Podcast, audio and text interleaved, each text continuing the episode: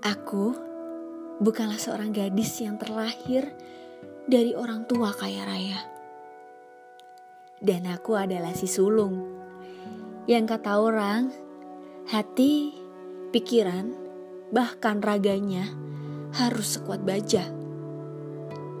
Dari kecil, orang tuaku selalu mengajarkanku untuk bisa survive di kehidupan yang keras ini. Mereka selalu berucap, Dok, jadilah wanita tangguh dan mandiri ya. Semoga kamu bisa sukses, tidak seperti kami. Angkat derajat mundo, maka akan terangkat pula derajat kami. Ma, Pa, terima kasih.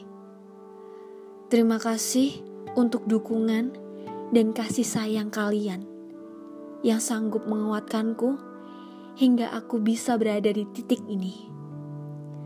Maafkan aku jika aku masih banyak mengeluhnya.